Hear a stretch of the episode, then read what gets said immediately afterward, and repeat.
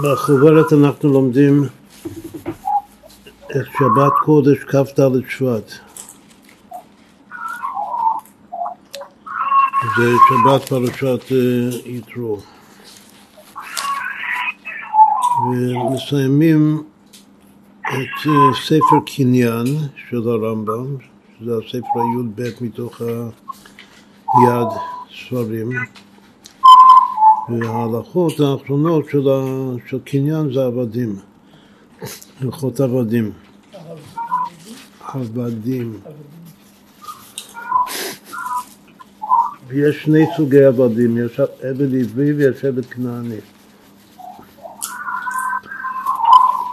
ברמב"ם יש 13 אה, מצוות בהלכות עבדים, שעשר מהם זה שייך לעבד עברי, ושלוש המצוות האחרונות, לפי הסדר שלו, זה עבד כנעני. כלומר שהסיום של קניין זה עבד כנעני, ויש שם שלוש מצוות. מה זה השלוש מצוות? מצווה אחת זה לעולם בהם תעבודו. יש מצווה לעבוד בעבד כנעני, לא לשחרר אותו, להנחיל אותו. ויש אה, מצווה מיוחדת שאם העבד הכנעני בורח מחוץ לארץ ארץ ישראל, אסור להשכיר אותו, לא, תס, לא תשכיר עבד אל אדוניו, אשר ינצל וכולו. אז זה, זה עוד מצווה, שברגע שהוא בורח לארץ ישראל הוא משתחרר. אז הבן חורין, אז הגר צדק, בלשון הרמב"ם. ובהמשך לזה, הפסוק הבא בתורה אומר שאסור להונות אותו. כלומר שאסור בדברים להרחיב אותו, לבייש אותו, להזכיר לו את העבר שלו. בכלל לא לבזות אותו בגלל שהמעמד שלו הוא מאוד אה, נחות, מה שהיה עבד כנעני, כמו שנסביר. יש גם כן מצווה מיוחדת לא להונות גר, ויש מצווה, עוד מצווה לא להונות יהודי בכלל. אז הרמב"ם כותב שיש אה, אצל אה, גר זה שתי מצוות. אסור להונות יהודי ואסור להונות גר. אז מישהו גר אז הוא עובר על שתי מצוות, לא תעשה. ועבד שברח מחוץ לארץ ארץ ישראל זה כבר שלוש מצוות. שלוש מצוות של איסור הונאה.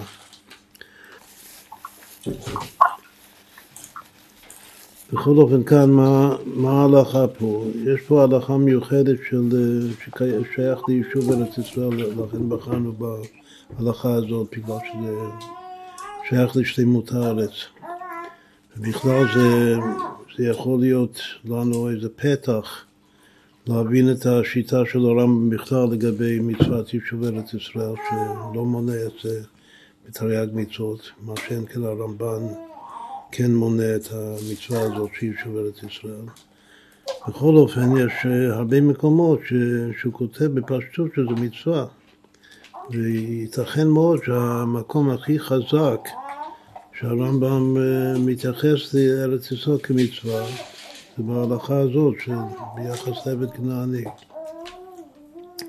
בסוף מסכת כתובות כתוב שהכל מעלין לארץ ישראל ואין הכל מוציאים. שאם יש זוג של איש ואישה ואחד מבני הזוג רוצה לעלות לארץ, השני חייב לעלות אחריו, אם הוא לא מסכים בשום פנים ואופן, אז חשוב שלא מתקשרים. זה לגבי איש ואישה. עוד יותר, גם עבד, זה עכשיו ההלכה הזאת. עכשיו, מה שאנחנו צריכים להבין לגבי עבד בכלל זה מה המעמד שלו ומה המציאות שלו. האם הוא עדיין בגדר גוי או שהוא כבר ישראל. אנחנו יודעים שעבד כנעני הוא חייב במצוות כמו אישה. שיש גזירה שווה שלומדים לה לה מאישה. אז כל מה שאישה חייבת, גם עבד כנעני חייב. יש דברים שעבד כנעני חייב, שאישה לא חייבת בגלל שאין לה במציאות שלה את המצווה הזאת, כמו בלי פילה או השחטת זקן. מדובר על נניח שהיה עבד של יהודי? עבד כנעני זה, זה, זה יהודי רכש גוי שהפך להיות עבד אצלו. אבל עכשיו העבד הזה, זו השאלה, מה המעמד שלו, האם הוא עדיין גוי או שהוא כבר יהודי, אבל הוא ודאי לא גוי בגלל שהוא חייב במצוות. מי שהורג אותו חייב מיתה. אז זה על פי בפשט הוא יהודי. עכשיו זה, זה הלונדוס כאן, מה, מה בדיוק המעמד של העבד הכנעני הזה. עבד עברי זה לא בעיה, כאילו להבין מה המעמד שלו. הוא היה יהודי והוא הרבה יהודי. אבל עבד כנעני הוא במצב ביניים, במעבר. עכשיו, כל מעבר זה כאילו כדי שהוא בסוף כן יהיה יהודי גמור, גר צדק. מצד שני, יש, יש איסור בתורה לשחרר אותו, אז איך, איך זה יתממש, השאיפה של, ה, של המעמד המעבר, הוא כל הזמן, אם אסור לשחרר אותו. בסדר, זה מה שאנחנו נדון עכשיו בכל הסוגיה הזו, זו סוגיה מאוד חשובה. אולי נאמר כמה הקדמות. כתוב בחסידות שבט כנעני הוא כנגד עולם העשייה. אף עשיתיו. עבד עברי הוא כנגד עולם היצירה. ואמה העברייה, אף על פי שלכאורה עבד עברי ואמה העברייה זה אותו דבר, זה, איש, זה אישה. אבל כאן רואים את המעלה של האישה לגבי האיש, האמה העברייה זה הרבה יותר מעבד עברי. שהאמה העברייה היא ראויה לייעוד לאדון, או לבן של האדון, שיש מצווה לייעד אותה, כלומר לשאת אותה לאישה. ולכן כתוב שהאמה העברייה, שהיא גם כן רק עושה עבודות אה, פנימיות, כלומר במטבח, בחדרים של הבית, היא לא יוצאת החוצה. אז כתוב שהאמה העברייה זה עולם הבריאה. כאילו היא בכלל בעולם אחר לגבי עבד עברי, על פי ששניהם זה יהודים שהפכו להיות עבדים. ישראל גמור זה עולם האצילות, זה אחד מהמבנים היסודיים שכתוב בחסידות. שיהודי גמור, ישראל זה אצילות, ואמה עברייה זה בריאה, ועבד עברי זה יצירה, זה עשייה. עכשיו יש עבד כנעני, ויש גם המקבילה, לעבד עברי זה שפחה, שפחה כנענית. אז לכאורה היא גם כן עולם מעשייה, אבל כמו שיש מעלה באמה העברייה יותר מעבד עברי, יש גם כן, נראה בהמשך, יש אפילו מעלה של שפחה כנענית, יש שפחה בבית, גויה, אבל שפחה ברגע שהיא טבלה, כאילו מה, מה הדין? הדין הוא שעבד כנעני או שפחה כנענית, שרוכשים אותה מאומות העולם, אז אה, שנעשים, אה, שנעשים עבד, אז אה, צריך, אם זה עבד, אז צריך גם מילה וגם תפילה, ואם זה שפחה, אז היא צריכה תפילה, לטפול לשם עבדות, עבדות ישראל, ויש בזה קבלת מצוות. שבעצם העבד והשפחה זה, זה בערך אותן מצוות. שהשפחה זה ודאי רק מצוות של אישה. העבד זה גם כן רק מצוות של אישה.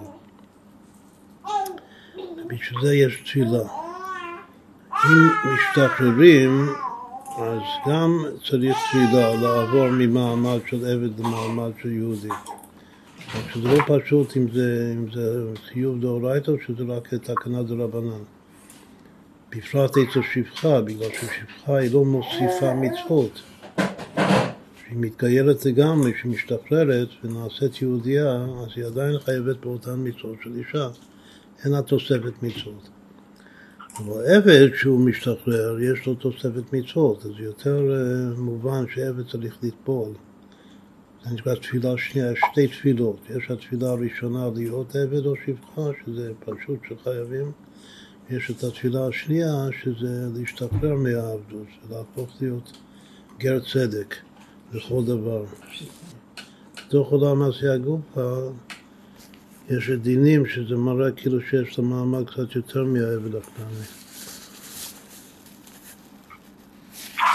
רואים שדווקא בעבדים יש מעלה של אישה.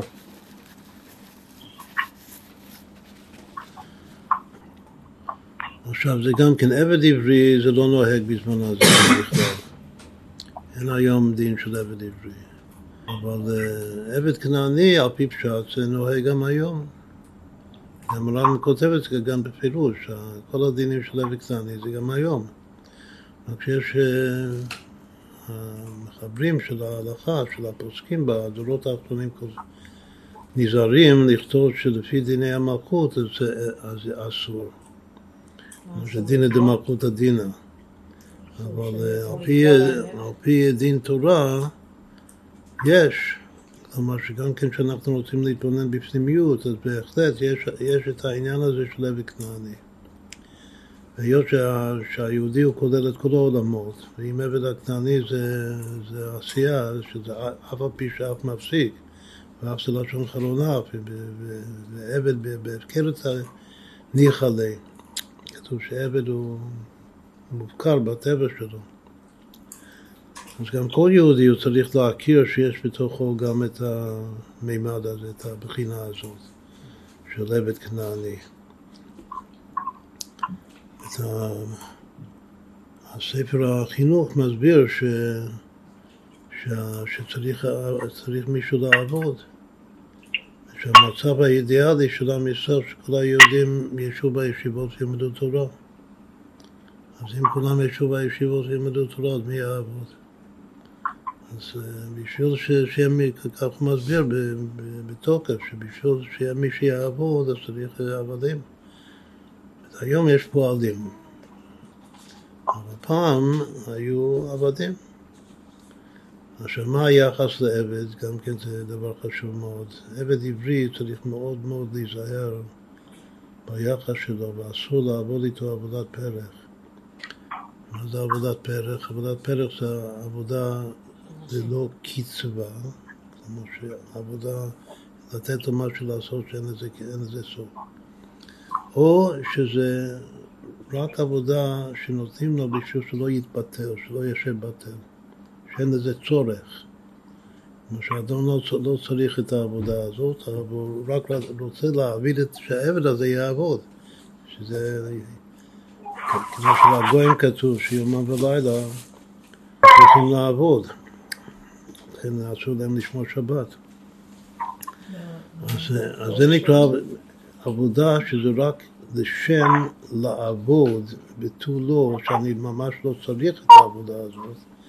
אני רק נותן לו משהו לעשות כדי שהוא יהיה עסוק, אז זה אסור לעשות את זה לעבד עברי, בגלל שזה נקרא עבודת פרק, אבל מותר לעבד כנעני. מה ההסבר הראשון שאמרת שעבודת פרק? עבודת פרק הראשון זה, זה משהו לעשות שאין לזה, לזה קצבה, זה הביטוי, אין לזה סוף. את כל עבודה יש, זה צריך להיות מוגדר. כלומר שתגמור את זה באיזה שלב. אבל עבודה שאין לזה קצבה זה נקרא עבודת פרק.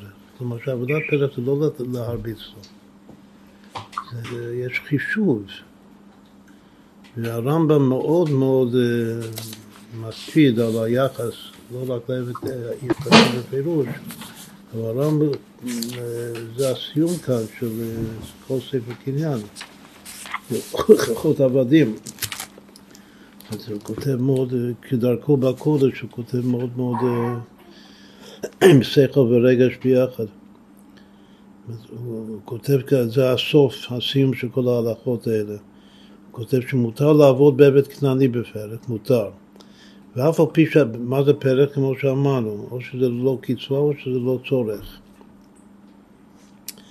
ואף על פי שהדין כך, מידת חסידות ודרכי החוכמה אומרת, הרמב"ם הוא גם חסיד וגם חכם, כמו בהלכות דעות. יש לו מידת חסידות ויש לו דרך החוכמה, שזה דרך הממוצעת.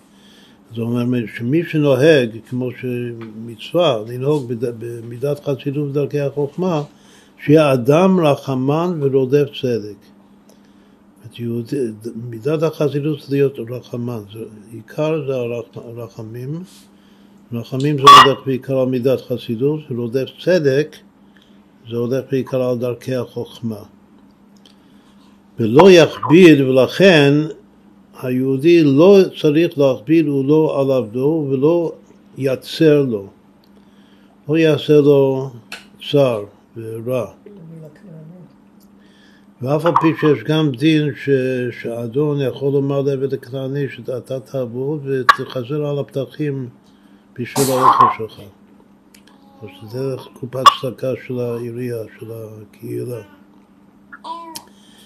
אבל זה לא, לא, זה לא דרך החסיד והחכם.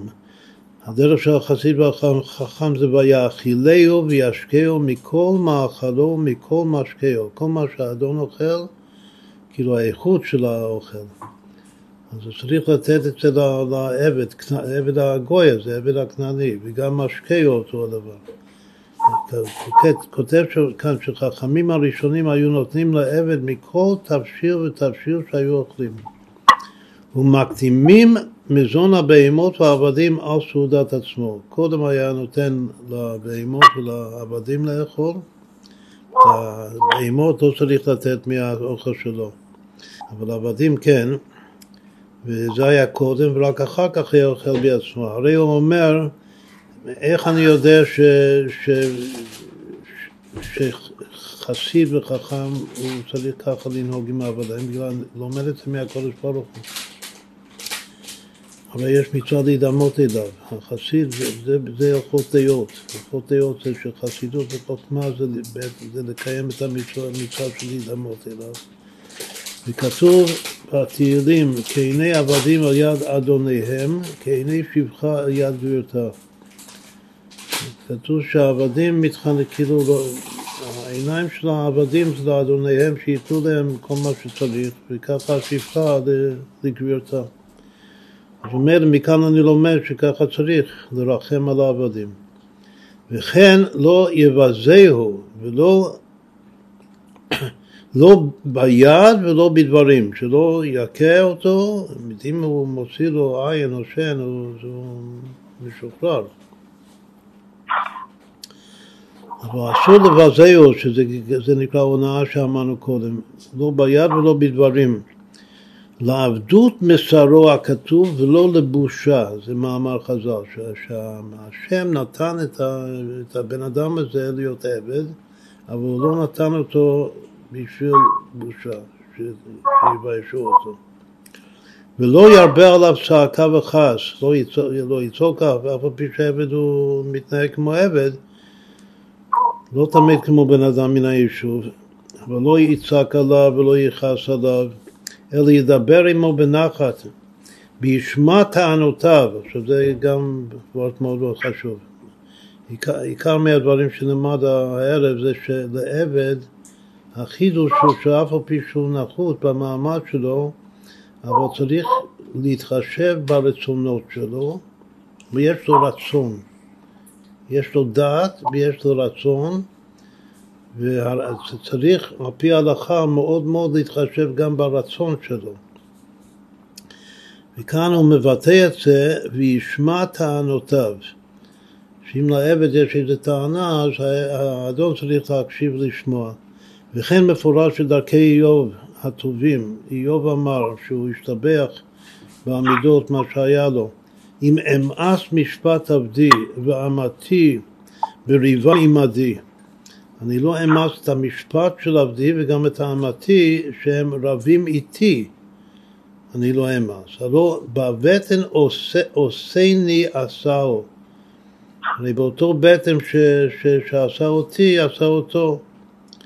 ויחוננו ברחם אחד, אנחנו יצאנו מרחם אחד, הוא אומר איוב. עכשיו הוא מסיים ההלכה האחרונה, ואין האכזריות והעזות מצויה אלא בגויים הערידים. כאן הוא רומז שעצם סוד העורלה על הברית זה המקור של מידת האכזריות והעזות בנפש. אבל זרעו של אברהם אבינו והם ישראל, שהשפיע להם הקדוש ברוך הוא טובת התורה, בצבעם בחוקים ומשפטים צדיקים, רחמנים הם על הכל. כלומר, לא רק שהם רחמנים על יהודים, רחמנים גם על, ה, גם על העבדים שלהם, הכנעניים. וכן במילותיו של, של הקדוש ברוך הוא, שציוונו להידמות בהם, הוא אומר ברחמיו על כל מעשיו, לא רק על היהודים. טוב השם לכל ורחמיו על כל מעשיו, וכל המרחם מרחמים, מרחמים עליו, כל מי שמרחם על הבריות, כולל ה... לא רק היהודים המיוחסים, מרחמים עליו, שנאמר ונתן לך רחמים וריחמך והרבך. מפרשים את זה שהשם נותן רחמים שאנחנו נרחם על הזולת, ואם אנחנו נרחם על הזולת אז השם ירחם עלינו, והרבך, וירבה אותנו. זה הבריך רחמנה לסיין, זה הסיום של מסכת עבדים. אז... אה, היום, היום, אז, היום שיש עבד גוי, הוא צריך לטבול ולעשות ברית מילה? על פי עיקר מידת הדין זה אפשרי, רק שזה לא מצוי. לא מצוי כבר uh, הרבה זמן. אומרים שלא מצוי בגלל שזה מיד שהאומות הפסיקו עם עבדים, אז גם היהודים הפסיקו, כאילו מטעם, מטעם דינא דמלכות הדינא, או מנהג, מנהג המדינה. מעיקר הדין יש היום את ההלכה הזאת. שאין כאן עבד עברי, אין עבד יהודי. אבל עבד גוי, שהיה גוי ועכשיו הופך להיות עבד, אז יש את זה. איך יכול להיות עבד עברי בכלל? עבד עברי זה לא שאחד הגיע למצב כלכלי שהוא לא מסוגל אה, להתקיים, אין מה לאכול, אז הוא מוכר את עצמו או שהוא גנב, ואז הבית ואין לו לשלם. בית דין מוכרים אותו לעבד. העבד עברי זה רק לשש שנים. זה המשפט הראשון, אלה המשפטים אשר תשים לפניהם, כי תקנה עבד עברי, שש שנים יעבוד ובשביעית יחופשי חינם. גם גר, אבל אחרי שש שנים חייבים לשחרר אותו. כן, שש שנים או אם היובל פוגע או לפני כן. אז זה עבד עברי, שזה משהו מוגבל, זה לא... זה עבדות מוגבלת, אבל עבד כנעני כתוב לעולם בהם תעבודו. שזה גם כן נדון בזה עכשיו בהלכה הזאת. כאילו שזה רכו, מה ההבדל ביניהם? עבד עברי זה לא קניין הגוף. את האדון הוא לא הבעלים על הגוף. אם יש לי בהמה, אם יש לי בהמה, כן, העבד עברי כמו פועל של כך וכך שנים. אני לא, לא קנוי לי. עבד קטני הוא קנוי, זה כמו בהמה. כאילו שהגוף שלו קנוי. ולכן זה חידוש גדול מאוד שמשחררים אותו, שהוא לגמרי הופך להיות. כתוב שהדין של, של כתינוק שנולד דמי, עבד כנעני זה הרבה יותר, לא עכשיו מסביר מאשר אצל סתם גוי שמתגייר. סתם גוי שמתגייר, אז אומרים שהוא גר כתינוק שנולד דמי. אבל אם היו לו ילדים קודם, אז הוא פטור ממצוות פרו ורבו. יש עדיין רושם של העבר, כמה שהוא כתינוק שנולד דמי, אבל העבר שלו עדיין קיים אצלו. אבל מי שהיה עבד ומשתחרר, אף על פי שהיו לו ילדים קודם בעבדות, לא, אין לו שום ייחוס, זה לא נחשב ילדים שלו בכלל. ועכשיו שהוא, שהוא משתחרר ונעשה יהודי, אז הוא חייב לקיים מחדש פרובו, להתחתן. כלומר שהתינוק שנולד דמי של העבד זה הרבה יותר כתינוק שנולד מאשר סתם גר שהתגייר.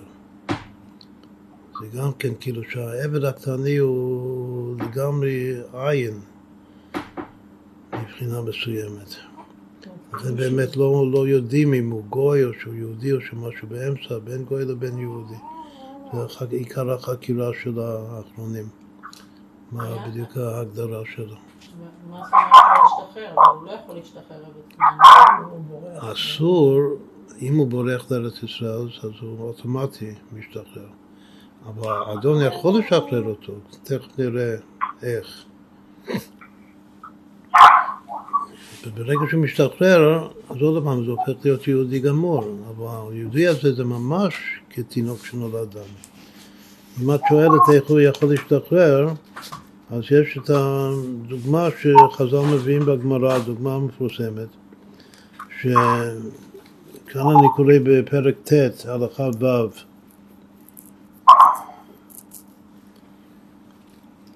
כתוב שבכן אסור לאדם לשחרר עבד כנעני, אסור לשחרר. וכל המשחררו עובר בעשה, עובר על מצוות עשה של התורה, שנאמר לעולם בהם תעבודו. ואם שחררו, אבל אם בכל אופן, אם האדון שחרר אותו, הוא משוחרר. כמו שביארנו, שזה היה כל ההלכות קודם, תכף נסביר את זה יותר. וכופין אותו, ברגע שהוא שחרר אותו, כופין, את האדון לכתוב לו גט, שחרור, שטר, בכל אותן הדרכים שביארנו את זה קודם, בפרקים הקודמים. עכשיו, זה אסור לשחרר אותו, אבל יש כאן יוצא מן הכלל מאוד מאוד אה, מאוד מאוד גדול. זה ההמשך כאן, ומותר לשחררו לדבר מצווה. הוא כותב, כותב מותר, הוא צריך לחקור אם המותר הזה זה גם מצווה או שזה רק מותר, שזה רשות. לכאורה זה הוא מקיים מצווה. ואם, אז, אז, אז לא רק שהוא מקיים מצווה, אלא שהשחרור זה גם מצווה.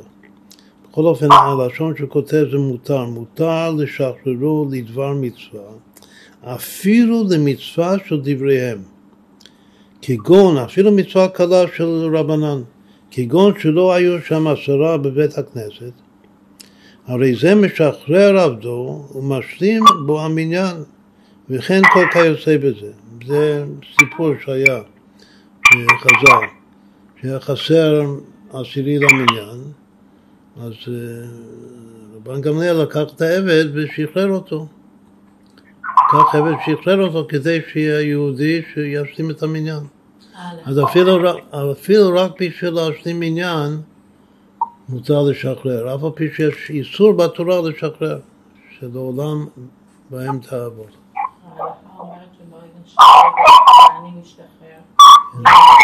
כן. כן, יהודי גמור. כמו גר הטבילה בעת הברית מילה הוא עשה מפריע. לא, יש שתי תפילות. הברית מילה הוא כבר עשה, לא צריך עוד פעם ברית מילה. אבל יש תפילה שהוא נשא עבד, הוא טבע לשם עבדות. עכשיו הוא צריך עוד פעם תפילה לשם שחרור, לשם בחורים. אז אם צריכים, אה, זקוקים למניין, אז יעשו את זה מהר מהר, ישחרר אותו ויטפיל אותו ויוכל להשלים את המניין. עכשיו, יש מי שכותב שההתר הזה זה רק מצווה דרבים, כמו מניין. מותר לשחרר אותו אם זה מצווה של ציבור.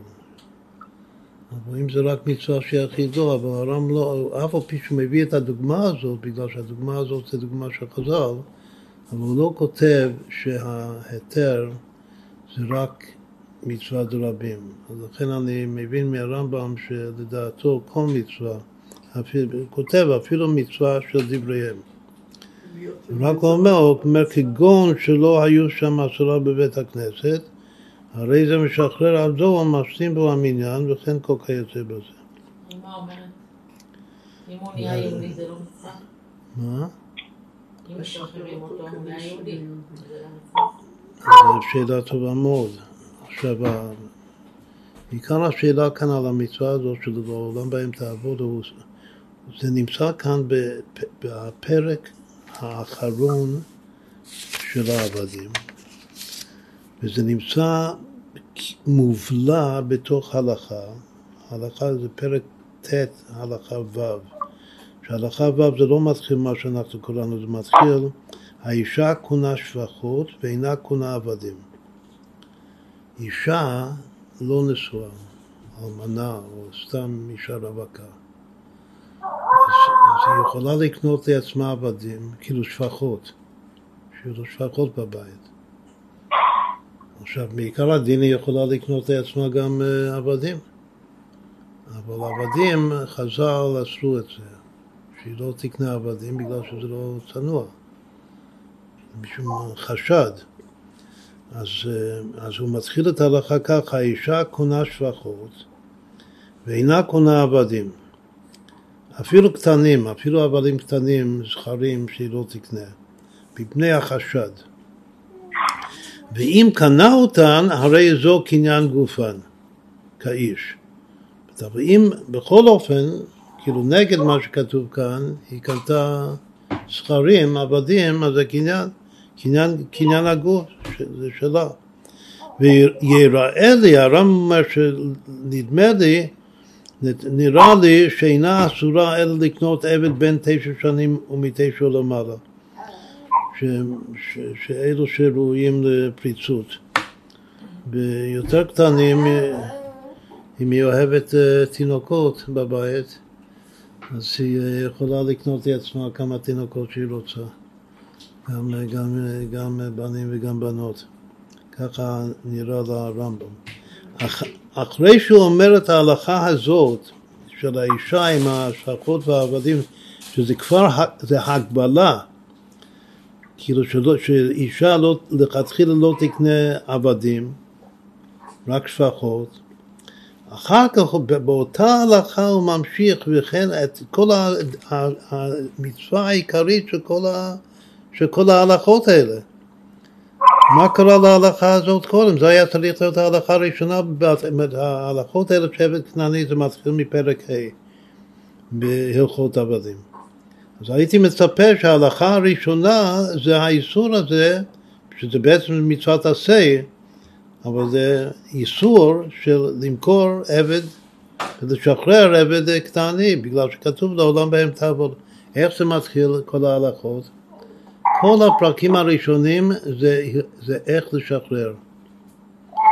והוא לא אומר בכלל שזה אסור לשחרר. הוא רק כותב את ההלכות איך משחררים עבד קטני. אז מה זה אומר לי בראש? זה אומר לי בראש ש, ש, שיש פה איזה, לכתחילה בדיוק הפוך מה, מהפשט.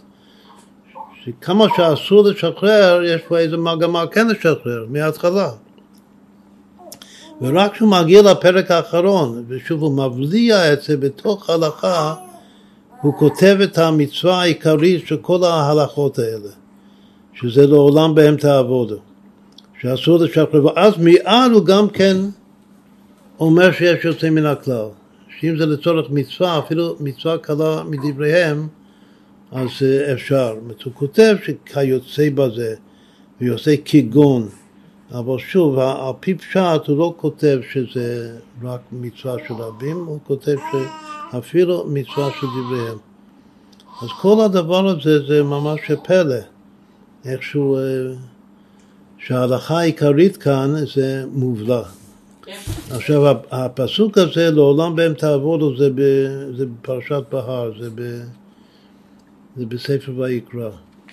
שתי המצוות האחרות של עבד כנעני, שזה אסור להזכיר עבד שברח מחוץ לארץ ארץ ישראל, או ש, ש, ש, שאם הוא ברח אסור, ל, משתחרר, אסור לעונות אותו. אז יש שני פסוקים צמודים בפרשת כי תצא. זה שני מקומות שונים בתורה. יש לו גם כן שלוש המצוות האלה, זה, זה דוגמה פשוטה של חשממה, של הכנעה הבדלה המתקה. זאת לעולם בהם תעבודו זה ודאי, שזה בפני עצמו זה, זה הכנעה, זה עבדות. בזה שהוא ברח מהעבדות, והבריחה שלו זה עזר לו, כמו שנסביר למה הבריחה עוזרת. ברח לארץ ישראל, זה ההבדלה, הוא נבדל מהעבדות. וזה שעכשיו צריך להתייחס אליו יפה ואסור להרחיב לו על הדברים, אז זה, מה זה, איך לדבר איתו.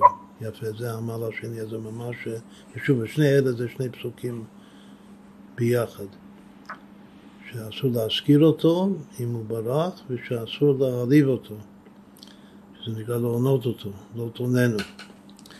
שיושב במקום אשר יבחר בארץ ישראל, ואסור לומר לו שום מילה רעה. אז יש פה שוב דוגמה פשוטה של, של, של הכנעה הבדלה המתקה, חשמם על שלוש המצוות לפי הרמב"ם של עבד כנעני. רק שהעיקר החידוש כאן שהמצווה הראשונה יש כל כך הרבה יוצאים מן הכלל וכל כך, זה שכל ההלכות זה הלכות שחרור, הוא רק מגיע לאיסור בסוף, מובלע זה משהו פלילי, כאילו, ש, כאילו שזה לא תכליס הלעולם באמצע העבודה, לפי הפשט. איך אפשר לקרוא את המילים האלה לעולם באמצע העבודה חוץ מהפשט? אפשר לומר, לומר כמו שאמרנו קודם, שהמצווה, כמו שהרמב"ם כאן יכתוב לנו, שהמצווה הזאת זו מצווה שהיא נוהגת בכל זמן ובכל מקום גם היום, יש את זה. לעולם יש את המצווה הזאת של עבד כנעני. עבד עברי זה לא לעולם. מה כתוב? המילה לעולם, זה דווקא כתוב חסר. יש בתורה עשר פעמים לעולם. חסר, ל"ע, ל"ב, בלי. יש פעמיים, רק פעמיים מלא. בכל התנ"ך יש, יש מאות פעמים מלא, בקושי יש אה, חסר, אבל בתורה, בחמישה חומשי תורה, לא, המילה לעולם, כתוב בדרך כלל חסר, וזה עשר פעמים. הפעם הראשונה זה חי לעולם, עץ החיים בגן עדן, וחי לעולם. זה עד העולם הראשון. שאחר כך אה, השם ימלוך לעולם ועד. איזה שמי לעולם. יש פסוקים מאוד מאוד אה, חשובים שכתוב שם לעולם.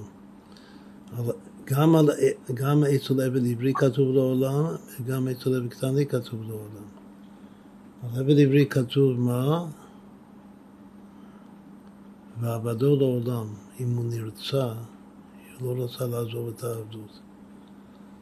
אז הוא נרצה, אז כתוב ש, שאז הוא יעבוד את האדון שלו לעולם. אבל מה חז"ל אומרים על העולם הזה? אומרים שזה לא לעולם, זה רק עד היובל. אצל עבד עברי המילה לא, זה בדיוק אותה מילה. אבל אצל העברי זה העולם של היובל, ואצל הכנעני זה כפשוטו.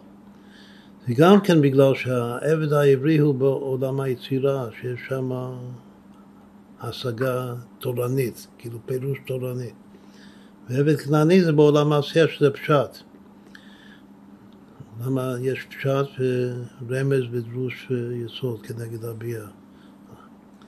עכשיו, כל הדין הזה שנלמד עכשיו, שזה שהעבד הכנעני בורח מחוץ לארץ, לארץ ישראל, אז מה בעצם הוא, או שהוא רוצה לעלות לארץ ישראל, מה, מה, מה זה ברוחניות? המימד של עולם העשייה שבי, שבתוכי, שזה העבד כנעני, הוא שואף להגיע, לצאת מהאף הסיטיב, הוא רוצה להגיע ליצרתיו. כתוב שההבדל בין חוץ, בין חוץ לארץ, ההבדל בין חוץ לארץ לבין ארץ ישראל זה בין עולם העשייה לעולם היצירה. אנחנו פה, ברוך השם בארץ ישראל, אנחנו בעולם היצירה. ברוחניות. מי שנמצא בחוץ לארץ, אז הוא נמצא בעולם העשייה. אז כל הדינים האלה של עבד כנעני, שאו שהוא רוצה לעלות לארץ או שהוא בורח לארץ, שזה שני דינים שונים שאנחנו נלמד כאן, אז, אז הוא עולה בעצם, על זה כתוב הכל מעלין לארץ ישראל, שזה לפי הרמב"ם, לפי עוד ראשונים זה הולך על עבד כנעני, לפי הרש"י ועוד ראשונים זה הולך על עבד עברי הפסוק הזה. כאילו הגמרא אומרת שהכל מעלין, יש דין, הכל מעלין לארץ ישראל, אז יש בין הראשונים שמפרשים את זה על עבד עברי ויש שמפרשים את זה על עבד כנעני. הרמב"ם מפרש את על עבד כנעני, שמרדין, אז מה זה המרדין הזה? זה שיעלה מעשייה, מאף הסיטיב, לעולם היצירה. כשמגיע לעולם היצירה, אז גם כן הוא עדיין עבד, ועליו מברכים שלא עשני עבד. הרי בבוקר יש עוד מבנה יסודי, מה שבבוקר אנחנו מברכים שלא עשני גוי, שלא עשני עבד, שלא עשני אישה. אז כתוב שלא עשני גוי זה בעשייה, זה כנגד המוטבע שבנפש. שלא עשני עבד זה, זה המידות דווקא, שמה, שזה עולם היצירה. שלא עשני אישה זה בעולם הבריאה, כמו האמה העברייה שאמרנו קודם, שהיא בעולם הבריאה. שזה המושכל שבנפש. את ככה מסבירים, הנשים הצדקניות בחב"ד שלא מברכים, ש, שמברכים את גם כן שלא עשה אישה, זה בגלל שאין כמו דבורה הנביאה בעולם האצילות. אחרי שיש את המהפכה השלישית, למד תורה לנשים, אז הם כבר אה, יותר גבוה מזה. כאן יש גם הלכה שאסור ללמד עבד כנעני תורה. עבד עברי זה ודאי שיכול בזמן הפנאי שלו ללמוד תורה. אבל עבד כנעני זה יומן ולילה לא ישבותו, כמו הגויים, אז, אז אסור ללמוד תורה, גם בגלל שלא יתפטר מעבודה, ועוד יותר כמו שחוששים שאישה תוציא את, את הדברי תורה לדברי תפלות, פעם היו חוששים לכך, אז כל שכן בקו וחומר אצל וקטני שבהפקרות הניחא לי. בכל אופן, היום שיש לנו את המהפכה הרביעית, זה ודאי, בפשיטות זה כולל את העבדים, בגלל שהעבדים זה הרבה יותר מאשר סתם גוי.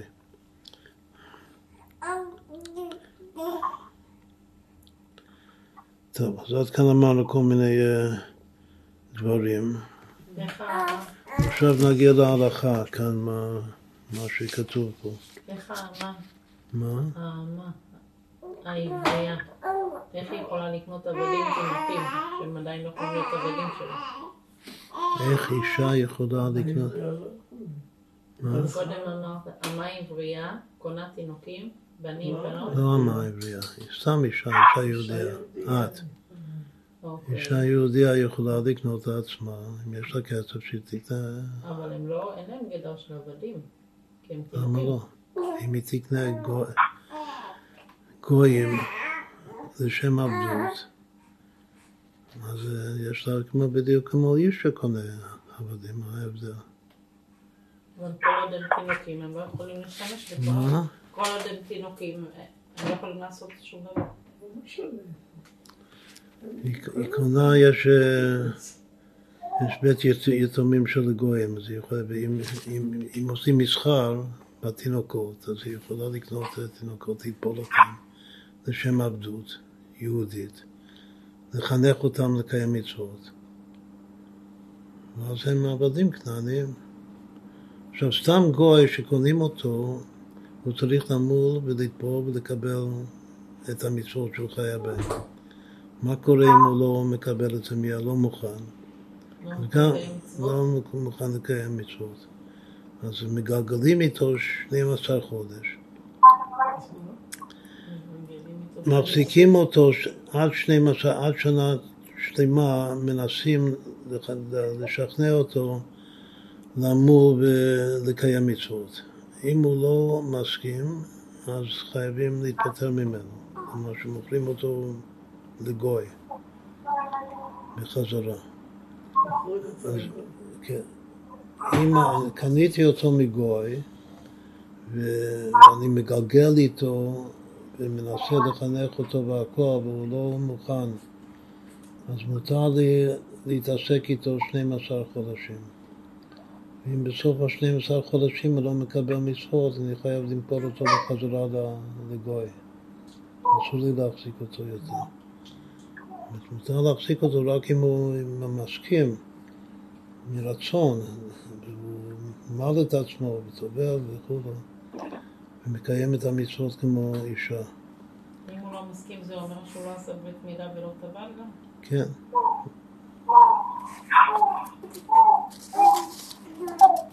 טוב, שוב, אז מה ההלכה שאנחנו לומדים כאן? זה פרק, כאילו, ההלכות שזה מגיע לאיסור להשכיר אותו, זה כתוב בפרק ח', אמרנו שההלכה העיקרית שזה לעולם בהם תעבודו, זה רק בפרק ט', אי שם ממש לקראת הסוף של כל ההלכות, של ספר קניין. תכף צריך לעשות uh, סיום ספר קניין, אז לחבר את הסוף שלו, שזה העבדים, הרחמנות על העבדים, עם ההתחלה של, של ספר קניין, שזה איכות מכירה, לוקח ומוכר.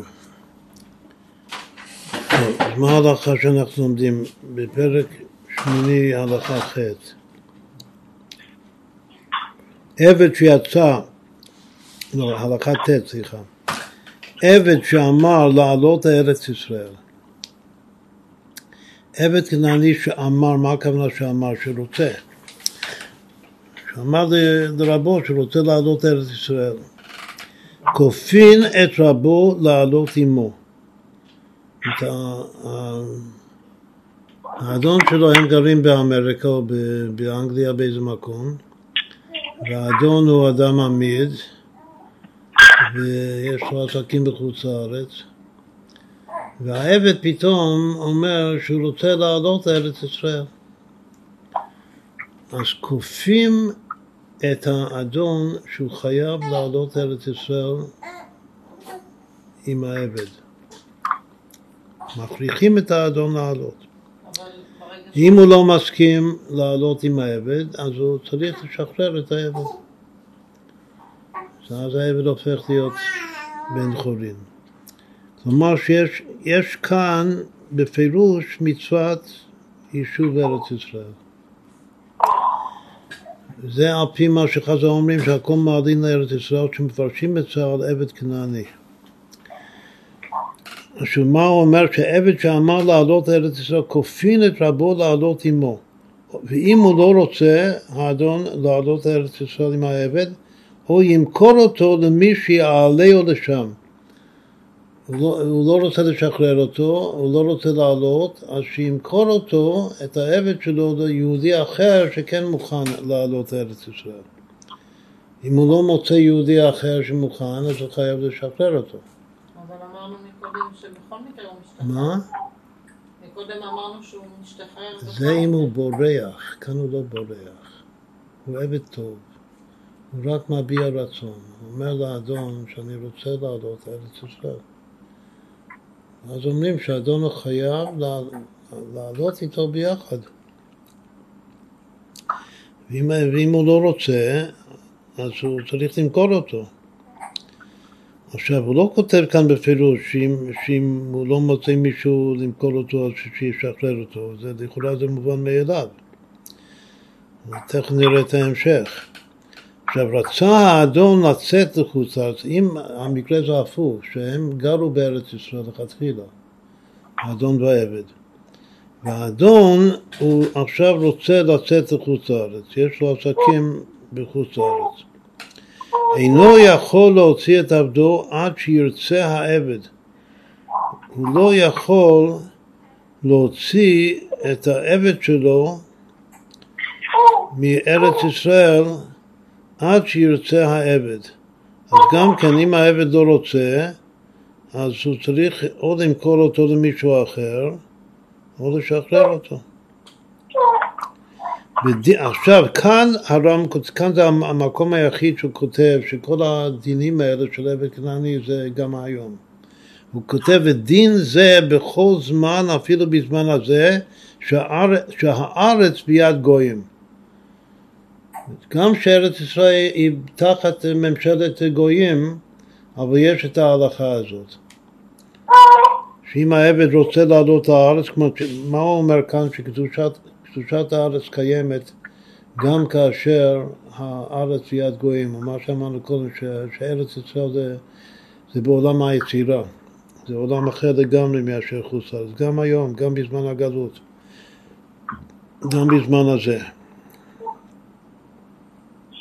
אחר כך הוא כותב את ההלכה הבאה, שזה כבר משהו אחר. עבד שברח מחוץ לארץ, לארץ ישראל, לא אחד שהוא אמר שהוא רוצה לעלות לארץ ישראל. כשהוא ברח מחוץ לארץ ישראל, אין מחזירין אותו לעבדות. אז הוא יצא מעבדות, הוא כבר לא עבד, הוא אויס עבד. ולא מחזירים אותו לעבדות האדון. אפילו אם האדון יעלה לארץ ישראל, אז גם לא נותנים לו לאדון. אם הוא ברח מאדון מחוץ לארץ ארץ ישראל, אז הוא ישתחרר. ועליו נאמר בתורה לא תזכיר עבד אל אדוניו, אשר ינצל אליך מעם אדוניו. ואומרים לרבו, אומרים לאדון שלו, שיכתוב לו גט שחרור. ויכתוב עליו שטר חוב בדמיו. העבד הזה, הרי מה זה גט, אם בשביל לשחרר עבד, מותר לשחרר, או אפשר לשחרר עבד אם העבד אה, נותן כסף. כלומר, קונה את עצמו, קונה את הפקעת הבעלות של האדון ממנו, עם כסף. אז אבל אין לו כאן כסף, הוא ברח. אז מה צריך לעשות? צריך לכתוב שטר שהעבד חותם על שטר שהוא חייב לאדון כסף. שמתי שיהיה לו כסף אז הוא ישלם את, ה... את הערך שלו לאדון. אבל מיד האדון צריך לשחרר אותו. והדבר הזה, זה החוב, זה חוב, יש לו חוב. עד שתשיג ידו וייתנו. ואם לא רצה האדון לשחררו, עכשיו אם האדון מסרב לשחרר את העבד הזה שברח ממנו, אז מפקיעים בית דין את שיבודו מעליו וילך לו. אז יש כוח לבית דין להפקיע את השיעבוד, זאת אומרת את הבעלות. בית דין יש לו כוח לבטל בעלות. אז הוא פשוט מפקיע את הבעלות והעבד הזה וילך לו עכשיו הוא, הוא אדם בפני עצמו, משוחרר. הוא הלך להיות יהודי. וכך הוא כותב בהמשך, הלכה הבאה, עבד זה שברח לארץ, הרי הוא גר צדק. אז מכאן משמע שברגע שהוא ברח לארץ, הוא גר צדק. רק שהאדון חייב לכתוב לו גט שחרור. וכנגד זה הוא, הוא נותן לאדון את, ה, את החוב, את השטר של החוב שלו. בכל אופן, לפי הדברים של הרמב"ם, משמע כאן שמיד שהוא בורח לארץ ישראל, אז הוא נעשה גר צדק. והוסיף לו הכתוב אזהרה, ברגע שהוא, שהוא ברח לארץ ישראל, אז הכתוב, הפסוק בתורה הוסיף, שזה הפסוק הבא בתורה, אחרי לא תזכיר, אזהרה אחרת למי שמונה אותו, שאם מישהו מבייש אותו, מבזה אותו, אז הוא עובר על איסור אחר, זה נקרא שהוא מונה אותו. מפני שהוא, מפני, למה התורה הוסיפה איסור? בגלל שהעבד הזה הוא שפר רוח, יתר מן הגר, הוא יותר שפר רוח מן הגר. ואם לגר, התורה הוסיפה איסור של הונאה, על העבד הזה עוד איסור על הונאה, וציווה עליו שנאמר חי יושב בקרבך בטוב לו, לא תוננו. וזו הונאת דברים. נמצאת הלמד שהמונה, מונה זה הונאה, שהמונה את הגר הזה עובר, את הגר הזה, מי זה הגר הזה? העבד, שהוא עכשיו הוא הפך להיות גר צדק. מי שמונה אותו עובר בשלושה לאווין, משום ולא תונו איש את עמיתו, שזה הולך על כל יהודי שאסור לו עונות אותו, ומשום וגר לא תונה, שזה הולך על סתם גר, ומשום לא תוננו, שזה הולך כאן על, ה, על הגר ש, שהוא היה עבד, ושהוא ברח לארץ ישראל. אפשר גם כן לדייק שבסתם גר כתוב לא, וגר לא תונה, כאילו שעיקר האיסור זה על הגברא. וכאן על, על העבד שברח כתוב לא תוננו. שהדגש עליו, על, ה, על החפץ, כלומר של ה, על העבד בעצמו, על הגר הזה, שצריך להתחשב ולהרגיש אותו, את האמפתיה איתו, הרחמים עליו, וכן עובר משום ולא יש, יש עוד איסור שעובר, נוסף לכך, שנקרא לא תלחצנו. כמו שביארנו בעניין הוניה. עד כאן זה ההלכות, מה שנוגע.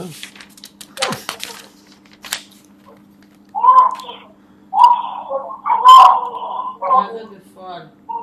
מתבטא בבריחה. נכון, זה שהוא ממש קם וברא, כמו שמישהו בורח מבית הסוהר. אז תכף נסביר את זה, מה זה הבריחה הזאת. ולמה הבריחה היא לשם שמיים? אולי הבריחה היא כדי לא לעבוד. זהו, זה בדיוק מה שצריך להבין, שמשמע מכאן שבריחה יש בזה כוח מיוחד יותר מסתם אה, רצון לעלות לארץ ישראל, שאז כופים את הרב. כאן לא כופים את הרב לעלות אחריו, פשוט אומרים שהוא ישתחרר. זה משהו אחר. אבל אם הוא יודע שזה יהיה התוצאה של הבריחה, אז למה שהוא לא ירצה לברוח? מה? אם הוא יודע שהתוצאה של הבריחה זה שהוא יפסיק להיות עבד, אז מה פה, אז למה זה דבר... זו שאלה שכולם שואלים, שואלים שלפי זה שכל העבדים יברחו לארץ ישראל, ואז לא יהיו יותר עבדים, כולם יהיו בני חולים. כאילו זה פטנט פשוט בשביל להשתחרר. יש עוד פטנט, אם העבד עושה בחוכמה שהרב שלו אה, יפיל לו שן, שהרב שלו הוא רופא שיניים, אז הוא יעשה שיעקור לו שן, ואף על פי שהוא עקר לו שן בגלל שהוא רופא שיניים, הוא מיד משתחרר. אם העבד הוא מאוד חכם, אז הוא יכול לסובב את הרב שלו שיפיל לו שן, אז הוא משתחרר. הרב או את האדום שלו? הרב זה האדון. אבל למה הוא נהיה יהודי, אם הוא עושה את זה לשם קנייה? אם הוא סתם רוצה להפסיק לעבוד, למה זה הופך אותו להיות יהודי? זה כל העניין של העבד הזה, הוא כבר, יהודי למחצה, כבר חצי יהודי. שוב, בעניינים כמו רצח, שזה הדין העיקרי, הוא יהודי שלם. השאלה זה כמה מצוות הוא חייב. אז כל זמן שהוא משועבד, זה כמו אישה, למה אישה לא חייבת בכל המצוות? בגלל שהיא משועבדת, יש לה תפקידים לעשות בבית. אז גם כל זמן שהוא משועבד, אז הוא כמו אישה לגבי המצוות. ברגע שהוא משתחרר מהשעבוד, אז הוא אוטומטית מקבל את כל המצוות. נעשה בן זה נעשה גר צדק לכל דבר. עכשיו נקרא את ההלכות הקודמות, זה גם כן חשוב. כתוב ככה בהלכות, בהלכה ו' בפרק שמיני המוכר עבדו לחוץ לארץ יצא בן חורין. זה קנס. מישהו, מישהו גר בארץ ישראל ויש לו עבד, והוא מכר את העבד שלו ליהודי שגר בחוץ לארץ. כלומר שהוא מכר את העבד לחוץ לארץ. יהודי אחד שגר בארץ ויש לו עבד, הוא מכר את העבד הזה ליהודי אחר שגר בחוץ לארץ. זה חפץ, זה כמו...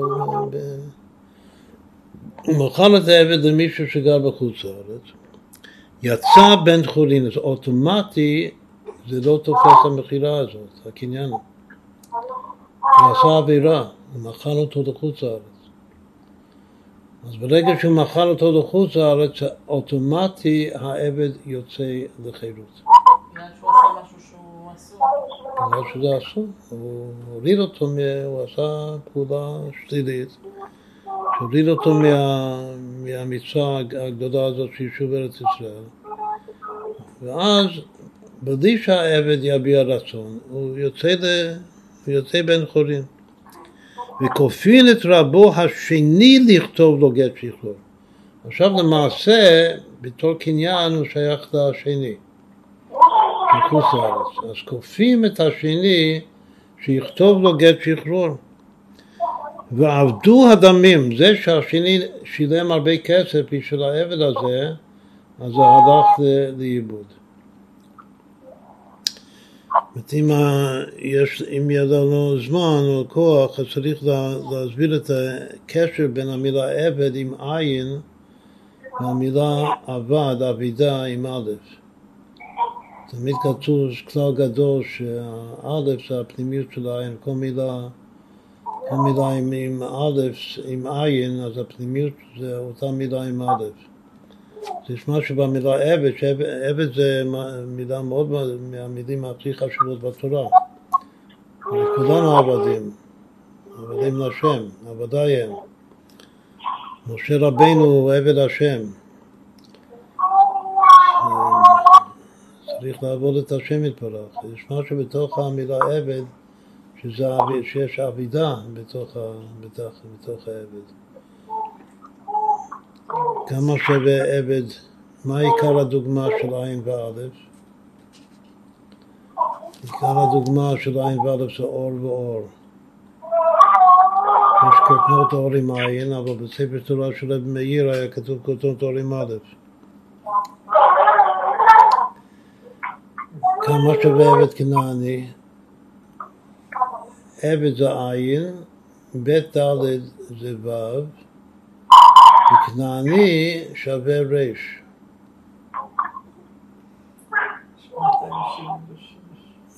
זה לא סתם, זה עין ו' ר', עין ו' ר' זה אור.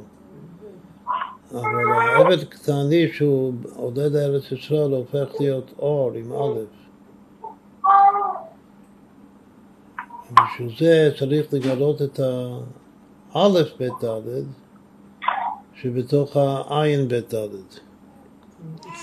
מה?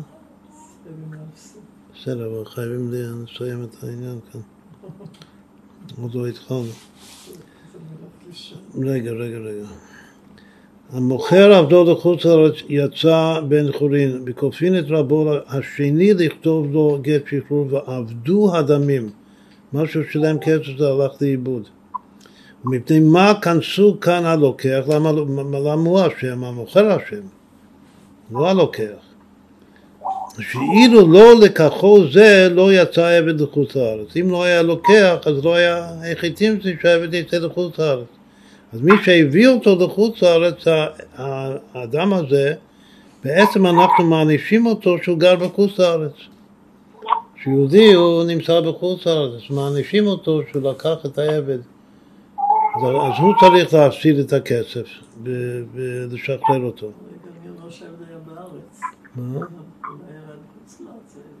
מה? אולי קנה אותו בחוץ לארץ. אולי הוא? קנה אותו בחוץ לארץ. לא, לא, לא. זה אחד שמכר את העבד מארץ ישראל לחוץ לארץ. הוא היה בארץ ישראל ומכר אותו למישהו בחוץ לארץ. אז הוא ברח בחזרה. לא, לא ברח בכלל. הוא שם, אצל בחוץ לארץ. אבל זה, זה אסור. לכן הוא יוצא אוטומטי, הוא יוצא לחירות. ומי שקנה אותו צריך לכתוב לו גט שחרור בגלל שהוא שלו עכשיו. הוא צריך להפסיד את כל הכסף שהוא שילם עבורו. זה הלך לקרן הצבי. אז שאלתי למה מה הוא אשם. אז הוא אשם שהוא גר, הוא אשם שהוא גר בחוץ לארץ. לא יצא, עכשיו, שאילו לא לקחו זה אם הוא לא היה קונה אותו, אז, לא יצא, אז העבד לא היה יוצא לחוץ לארץ. האיסור הזה לא היה נעשה. והמוכר, עכשיו, מי שמוכר את הדור לסוריה ואפילו לעכו כמוכר לחוץ לארץ. הדין הזה זה גם סוריה וגם אפילו עכו. שעכו יש לו דין, לעניין הזה יש לו דין של חוץ לארץ. אחר כך הלכה הבאה זה בן בבל, מי שגר בבבל, שנשא אישה בארץ ישראל. יהודי שגר בבבל, כמו שפעם היו גרים בבבל. אבל עשו לו שידוך עם בחורה מארץ ישראל. אז הוא נסע אישה מארץ ישראל ודעתו לחזור, והוא הלך לארץ ישראל בשביל לשאת את הבחורה הזאת. אבל הכוונה שלו זה לחזור הביתה, לגור בבבל, הוא גר בבבל. והכניסה לו עבדים ושפחות, היא הייתה עמידה. וכמו ש, שנותנים לדוניה, לכלה, אז גם הכלה מכניסה לבית. היו לה, כאילו, לאביה, אבל לה היו עבדים ושפחות. את העבדים השלחות שלה היא הכניסה לבית, עכשיו היא נשואה. הבית שלו, של, ה, של הבחור הזה שהוא בא מבבל. הרי אילו ספק אם הן כמי שמכרה אותן לחוץ לארץ, אם זה נחשב שהיא מכרה את העבדים שלה לחוץ לארץ וזה שהיא הכניסה לנדוניה, אז העבדים משתחררים אוטומטי. או שזה לא נחשב כך, זה עדיין ברשותה, ומשמע מכאן שמה שהוא התכוון לחזור לחוץ לארץ, ייתכן שהכוונה שהוא התכוון לחזור לבד לחוץ לארץ. שהיא נשארת בארץ ישראל והוא בחוץ לארץ. אז, אז יש פה ספק בהלכה האם זה נקרא שהיא מכרה לחוץ לארץ או שהיא לא מכרה. זאת היא מכרה את הפירות של הנכסים שלה, של העבדים והשפחות, העבודה שלהם, את הגוף שלהם. יש ספק אם הן כמי שמכרה אותן לחוץ לארץ, הואיל ויש לו הפירות, שזה נחשב שהיא מכרה לחוץ לארץ, ואז משתחררים, או אינן כמכורים לו, בגלל שזה רק פירות, זה לא הגוף, שהרי הגוף זה עדיין שלה. משמע שהיא עדיין בארץ. בסדר, זה ההלכה בפני עצמה. אחר כך, ההלכה ח' זה עבד שיצא אחר רבו לסוריה. עבד שיצא אחרי האדון שלו לסוריה. שהאדון הלך לסוריה, שזה נחשב חוץ לארץ, והעבד הלך ביחד עם, ה, עם הרב שלו, עם האדון שלו. ומחרו שם, ושמה בסוריה, שזה חוץ לארץ, הרב מכר את העבד הזה למישהו אחר. איבד את זכותו.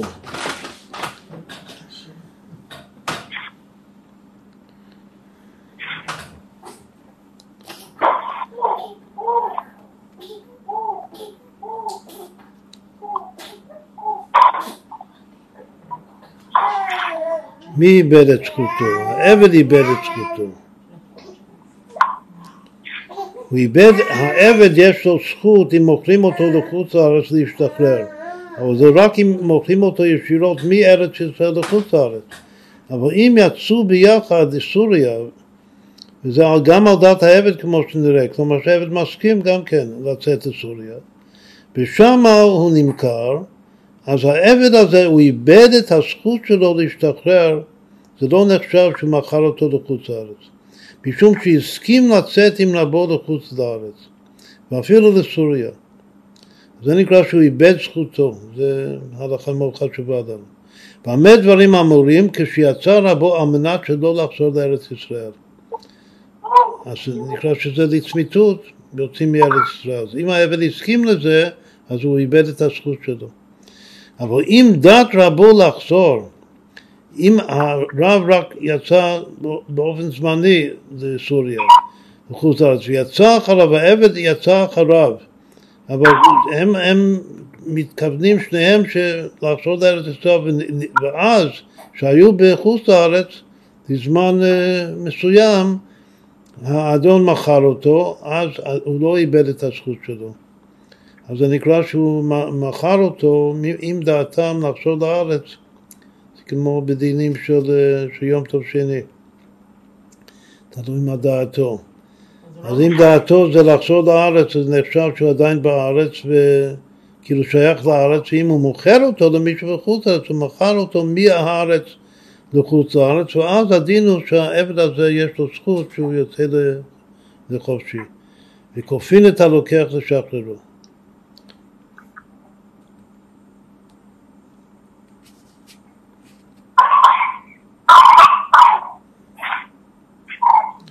עכשיו, נשים לב לעוד פרט מאוד מאוד חשוב כאן, שזה בהלכה ז' כתוב, והכניסה לו שהאישה הזאת ש...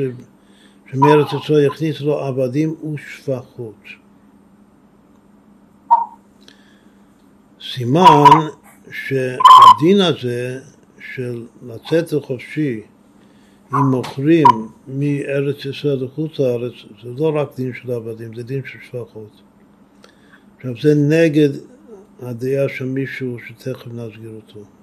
שיש כאן ראיה ברורה ברמב"ם שאין שום הבדל בהלכה הזאת בין עבד זכר לבין שפחה נקבה. טוב, עכשיו, אחרי זה נראה מה כתוב כאן במלכוס. בעיקר מה שאנחנו רוצים הערב זה, בעצם זה לחלוק על מה שכתוב כאן, שהכל זה לא נראה לנו. הוא מביא את ההלכה שקראנו, שזה הלכות עבדים פרק ח' הלכה ט', שבט שאמר לעלות. שנינו, הכל מעלין לארץ ישראל, מבואר בגמרא, בסוף מסכת כתובות, שזה בא לרבות עבדים, ורש"י אומר שהכוונה עבד עברי, ש... שהדין שהכל מעלין לארץ ישראל, שהאדון, שהאדון רוצה את הארץ, הוא יכול לחוף את העבד עברי שלו לעלות איתו ביחד. ככה רש"י מסביר פשט. אבל כסף משנה אומר שדת הרמב"ם הוא כפי שכתב הרייבד,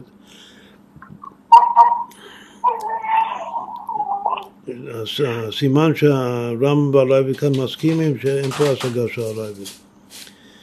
שדין זה נאמר, הדין שהכל מעלין לארץ ישראל זה לא נוגע לעבד עברי, זה נוגע לעבד כנעני. שאם הוא רוצה לעלות לארץ ישראל, כופין את רבו לעלות עמו, בדיוק ההפך. לפי רש"י, אם האדון רוצה לעלות, כופים את העבד. ולפי הרמב"ם, אז אם העבד רוצה לעלות, כופים את האדון לעלות איתו ביחד. כי עבד כנעני חייב במצוות כנשים המצוות על יישוב הארץ. אז מה כאן האבות? האבות שנשים חייבות במצוות יישוב ארץ ישראל. למה הוא מביא דווקא את הדוגמה הזאת? מה? למה הוא מביא דווקא את הדוגמה של כמו נשים של יישוב הארץ? עבד חייב במצוות כמו אישה.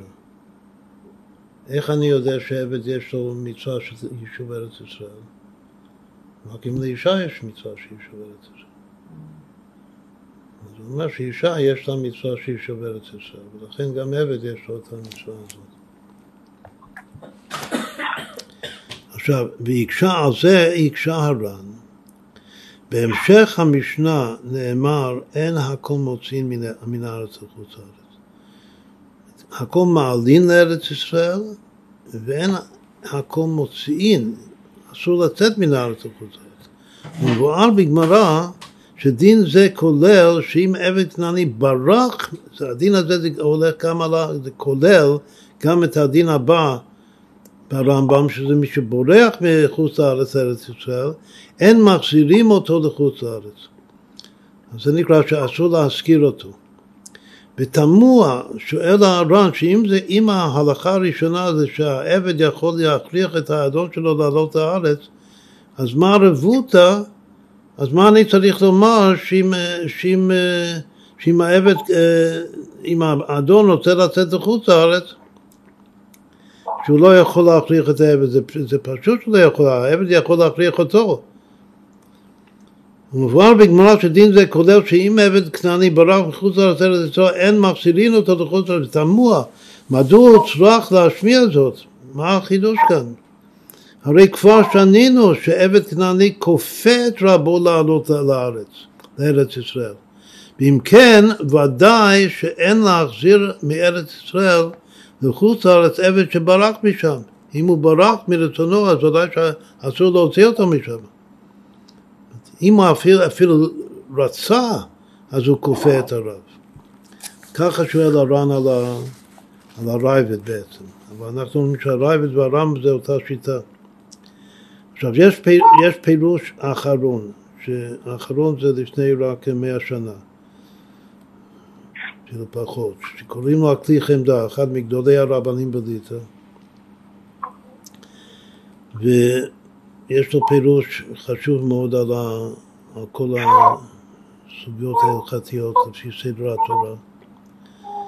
אז הוסיף הכלי חמדה, כי גם על הרמב"ם אצלנו, אז יש אותה קושייה. הקושייה של הר"ן על הרייבד. שאם ההלכה היא ש... שעבד כנעני הרוצה לעלות לארץ ישראל כופין את אדונו לעלות עמו, מדוע צריך הרמב"ם להודיענו שאם רצה האדון לצאת לחוץ לארץ, אינו יכול להוציא את עבדו? מה רבותא? אז מה הוא ביאר? עכשיו מכאן והלאה עד הסוף, שזה עיקר הוורד כאן של הדבר מלכוס, זה, זה לא נראה לנו כלל וכלל. מה הביור שלו?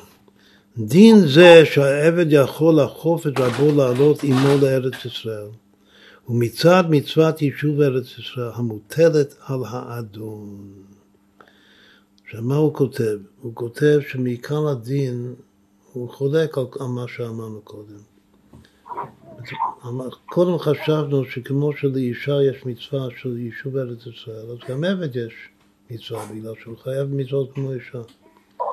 הוא כותב לא ככה, הוא כותב שמי שחייב ביישוב ארץ ישראל זה רק מי שחייב בכיבוש ארץ ישראל, והורשתם וישבתם. מי שחייב מה? בכיבוש.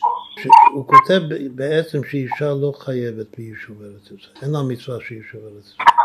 למה? בגלל שאין לה מצווה של כיבוש. כתוב, עכשיו הוא מדמה, זה גם כן משהו מעניין, זה כן אפשר לדון. הוא מדמה את מצוות יישוב ארץ ישראל למצוות פרו ורבו. פרו ורבו, אז נשים לא חייבות. משתתפות, כמו שהר"ן בעצמו כותב, משתתפות במצווה, מסעיות לבעליהן, ולכן יש להם חלק במצווה. אבל, אבל מעיקר הדין האישה לא חייבת, היא רק עוזרת, איזה כנגדו. אז הוא כותב שזה אותו הדבר לגבי יישוב ארץ ישראל. שכמובן שאי אפשר ליישב את ארץ ישראל בלי נשים. גברים דבר לא יכולים ליישב את ארץ ישראל. אז חייב להיות נשים. אבל המצווה זה כמו אצל פרו שפרו זה רק מי שכובש, זאת אין דרכה של אישה לכבוש, לכן היא לא מצווה במצוות פרו כתוב ורבו אותה צריך לפשוע.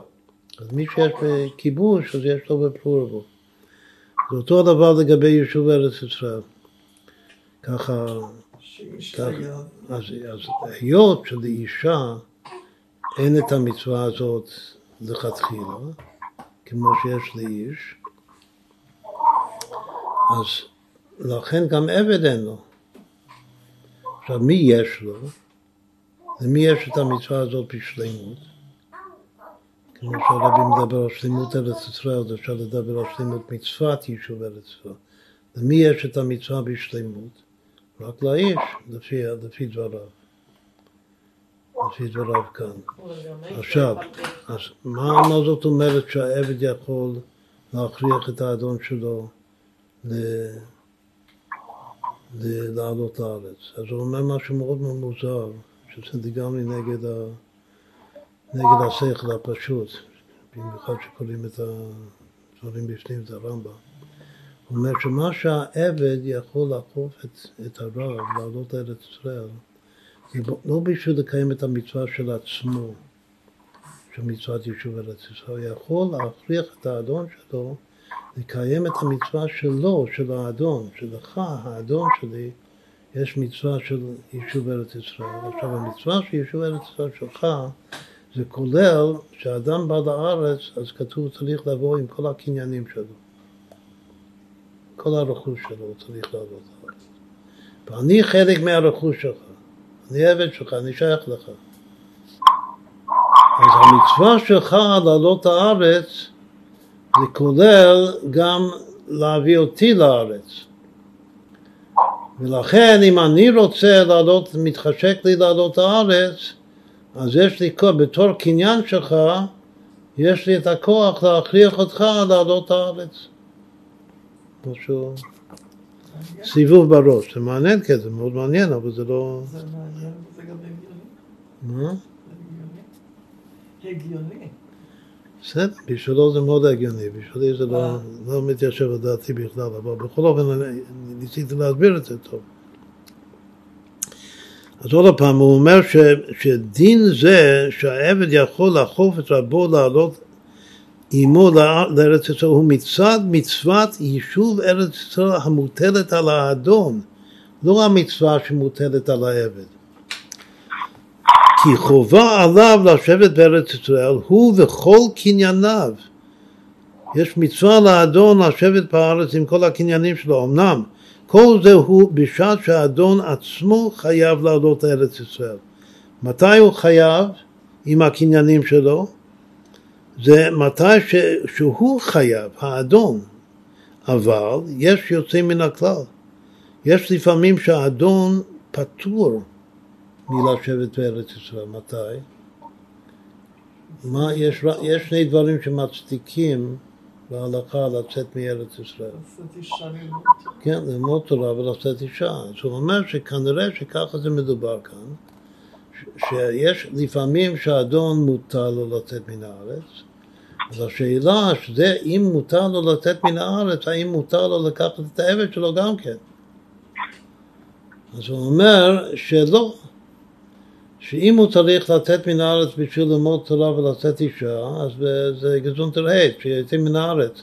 אבל יש לו עדיין מצווה של יישוב ארץ ישראל, שהמצווה שלו כוללת שכל הקניינים שלו יהיו בארץ, ואין שום הצדקה להוציא את הקניין שלו. ולכן, גם כשהוא יוצא בהתר בשביל ללמוד תורה או לצאת אישה, הוא צריך להשאיר את הקניין, את העבד שלו בארץ ישראל, ולא להוציא אותו מארץ ישראל. לכן אסור לו להוציא את העבד מארץ ישראל, אלא אם כן העבד ירצה בעצמו לצאת אחריו.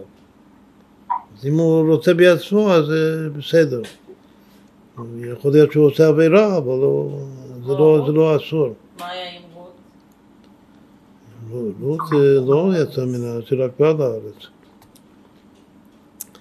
אז עוד פעם, אם הוא יוצא בשביל ללמוד תורה או לשאת אישה, לישא אישה, היה מקום לומר שיכול לחוף, היות שהוא האדון וזה העבד שלי, אז יש מקום לחשוב שיכול לחוף, להכריח את העבד לצאת עמו ביחד, אני צריך אותך לשמש אותי. ולכן ההלכה הזאת השנייה באה להשמיענו שאף שמותר לא לצאת, לך מותר לשאת אישה ו... וללמוד תורה, אבל עדיין מוטלת עליו מצוות יישוב הארץ, ולכן צריך להשאיר את קניינו בארץ. עדיין המצווה מוטלת עליו, ולכן הוא צריך להשאיר את הקניין שלו בארץ, אלא אם כן הקניין הזה בעצמו רוצה לצאת הארץ. כל זה זה סיבוב ראש, שזה לא נראה לי כלל וכלל, ואין כאן המקום אפילו להסביר למה זה לא נראה. מי זה? הדבר הראשון שלא, ש- הדבר הראשון שלא נראה לי, שזה ממש נגד השכל, זה מה שכתוב, מה שמשמע בפשטות, שהעניין זה, המצווה כאן זה המצווה לעבד, הוא מעביר את זה ואומר שזה לא מצווה של העבד בכלל, זה מצווה שעל האדון. זה שיש לאדון מצווה, גם כן, בוודאי שיש לאדון מצווה, אבל כאן ההלכה אומרת, שוב, שעבד שאמר לעלות לארץ ישראל, מה הכוונה? הכל מעלין לארץ ישראל. העבד רצה לעלות לארץ ישראל, זה בדיוק כמו איש ואישה. שהאישה רצתה לעלות. זה לא בגלל שלאיש יש מצווה, זה בגלל שיש לה מצווה. אבל הוא שולל את זה גם מהאישה, הוא אומר אותו הדבר, שאין לה אישה, אין לה מצווה. אז הדבר הראשון זה אני ודאי לא מסכים איתו שלאישה אין מצווה ול- ולעבד אין מצווה. ולאיש יש מצווה. לא, האיש יש לו מצווה שלו, והאישה את המצווה שלו. עכשיו, זה, זה שזה, שיש פה איזה קשר לפרו ורבו, כמו שאמרנו, יכול להיות שבאמת יש אה, קשר לפרו ורבו. אבל לא, לא בשביל לומר שלאישה אין מצווה של יישוב ארץ ישראל. לא מצאנו את זה בשום מקום, את החילוק הזה, לגבי פרו ורבו כן מצאנו את זה. לגבי יישוב ארץ ישראל לא מצאנו את זה. עכשיו אנחנו רואים, שוב, אנחנו חוזרים לשאלה העיקרית, למה הרב לא מונה את המצווה הזאת של יישוב ארץ ישראל בכלל למצווה, לא נשים ולא גברים, לא אף אחד. על. אז כנראה שכל כל המצווה הזאת זה קשור, זה קשור לזה שארץ ישראל זה מקום מקלט, זה באמת מקום מקלט לעם ישראל. ארץ ישראל כאן זה כמו עיר מקלט. מי שרצח בשגגה, אז הוא בורח לעיר מקלט והוא ניצל. הוא שמור. עבד בחוץ לארץ, יכול להיות כל מיני סיבות למה הוא בורח. הוא בורח מבית הסוהר, הוא בורח מעשייה ל- ליצירה כמו שאמרנו קודם. אז הוא, הוא בורח למבטח. זה, וזה, לכתחילה זה מה שארץ ישראל אמורה להיות. ארץ ישראל זה המקלט והמבטח של עם ישראל. יכול, יכול להיות שבגלל זה גוף, הכלי חמדה אומר עוד סברה שלא מתקבל על דעתי. הוא אומר שיכול להיות שהוא גם רוצה לתרץ את הקושייה הזאת, למה הרמב"ם לא, למה הוא לא, למה הוא לא מונה את המצווה הזאת, של יישוב ארץ ישראל מצווה כללית. אז הוא אומר שלעתיד לבוא, עתידה ארץ ישראל שתתפשט בכל הארצות. אז כל העולם כולו יהיה ארץ ישראל. ואז בכל מקום זה כמו מערכתו ארץ ישראל, הכל יהיה ארץ ישראל. אז לא יהיה שום מצווה לעלות ארץ ישראל, בגלל שאיפה שלא תהיה, זה כבר יהיה ארץ ישראל. ולכן אין מצווה של עלייה לארץ ישראל, זה שוב משהו. אחר כך הוא מתחיל להתעיין באריכות, אבל מצרים יש איסור שגם לעתיד לבוא. שכל הארצות יהיו ארץ ישראל, אבל יש שאלה לגבי מצרים. יכול להיות שמצרים עדיין יהיה חוץ לארץ, גם ימות המשיח. בגלל שאסור לעשות למצרים, המצרים והצורך. אני חולק על הכלי חמדה, קוראים לו כלי חמדה. איך? כלי חמדה, זה השם שלו. בזמן הרבי הרשע, ואחד מגדולי הרבנים, שהוא באמת גדול מאוד. כן. והוא מפלפל ומעריך, וכאן בזמן מלכות הזה כאילו מביאים אותו, שהוא מתרץ, הקושה שלו, הקושה זה קושת הבן, הוא צריך לתרץ את זה. אבל הוא מתרץ את זה בצורה כזאת שהוא שולל את מצוות יישוב ארץ גם מנשים וגם מעבדים. הוא אומר עוד כמה דברים עוד כמה, בסדר, עוד כמה דברים תמוהים מאוד שאני לא מסכים איתו, זה בסדר, בסדר, זה, אבל צריך כן לתרץ. עכשיו, התירוץ כאן זה עיקר השיעור, שעוד לא הגענו לזה. אז... לא. התירוץ הוא ש... אני רוצה לומר את זה בקיצור, בפשטות, שאצל הלמדנים, כן, שאצל הלמדנים מחלקים בין שני מושגים. מושג שנקרא מחשבו והתרצות. יש אדם מכוון... מחשבה לעומת התרצות, שאפשר לומר את במילים אחרות, כוונה לעומת הסכמה. כאילו שאני, מה זה כוונה? זה רצ, רצון אמיתי שאני באמת רוצה במחשב לעשות משהו ו, ויש מצב שאני מסכים, כאילו שבדיעבד בסדר. אתה, אתה רוצה ככה? בסדר, אני לא, לא מתנגד. או לא רק שאני לא מתנגד, אפילו מסכים. יש שאלה שבחתן וכלה שמתחתנים, אז הכלה היא באמת רוצה להתחתן? או שהיא רק מסכימה להתחתן. כאילו שזה נקרא התרצות, שזה נפקא מינה להלכה. אז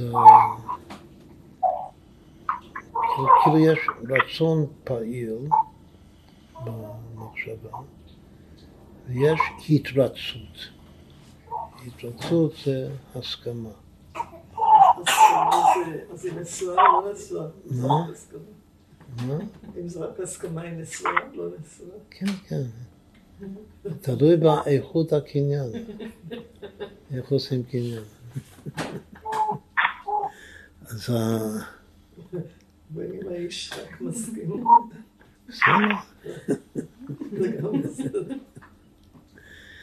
בכל אופן, העבוד כאן בסוף, מה שאנחנו רוצים לפרש כאן, שזה פשט, כאילו זה גם כן חידוש, אבל זה יותר טוב לנו מאשר מה שהוא כותב. שמה, הפושה זה מה, בשביל מה הרמב"ם צריך את ההלכה השנייה.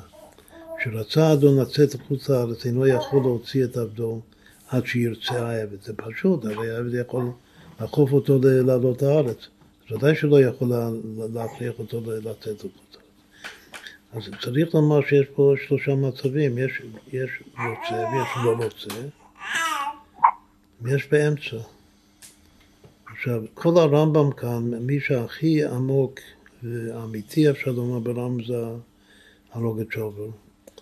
ולכן הוא, הוא זה שמגיע למסקנה שברמב"ם יש דרי דינים, יש שלושה מצבים, לא רק שני מצבים, כלומר שיש מצב ממוצע, שזה גם כן נוגע לעצם המהות של העבד, שהרוגת שובל כותב שהעבד הוא לא גוי ולא יהודי, הוא משהו באמצע. שוב, הוא אומר את זה לדעת, לדעת הרמב"ם.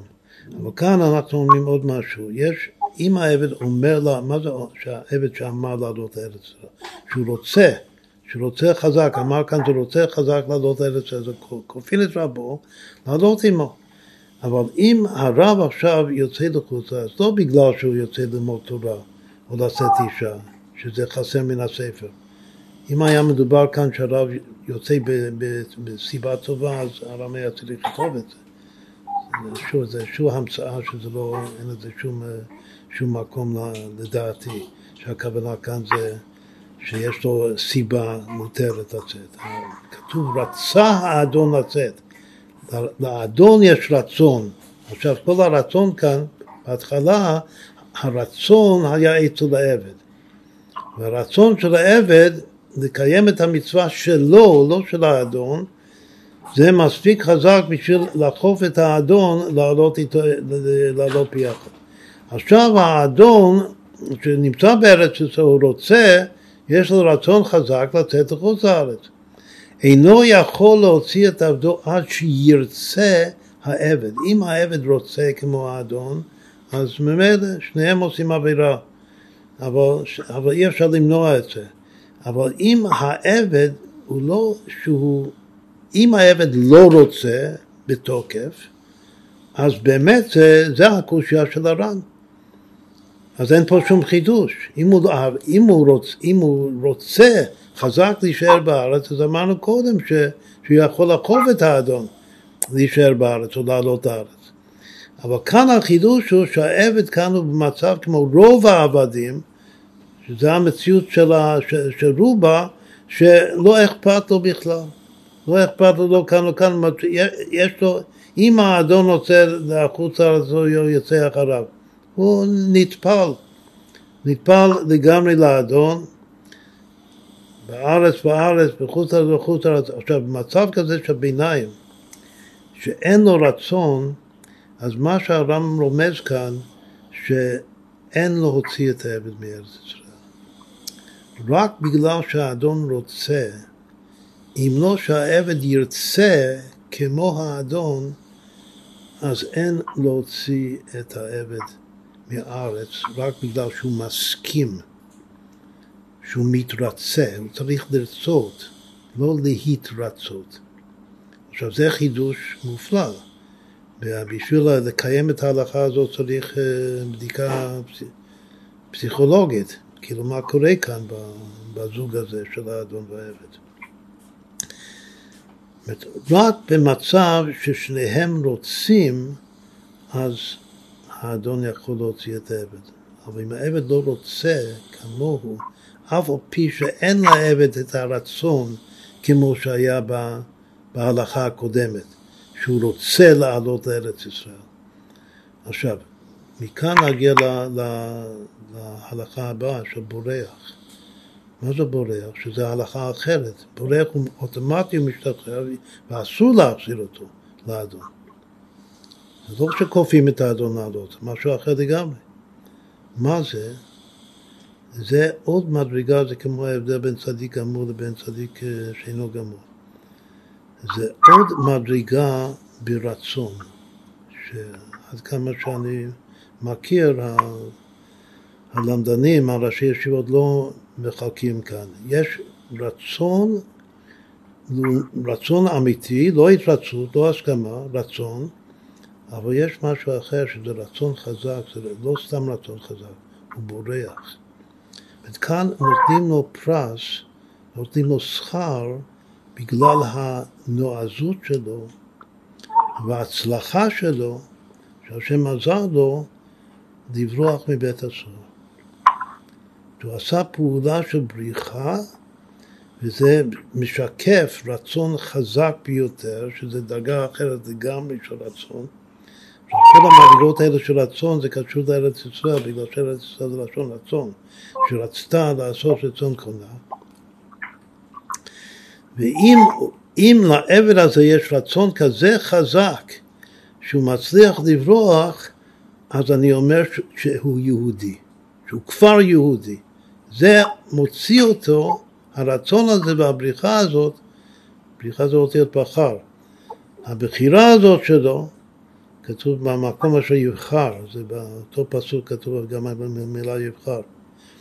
ו...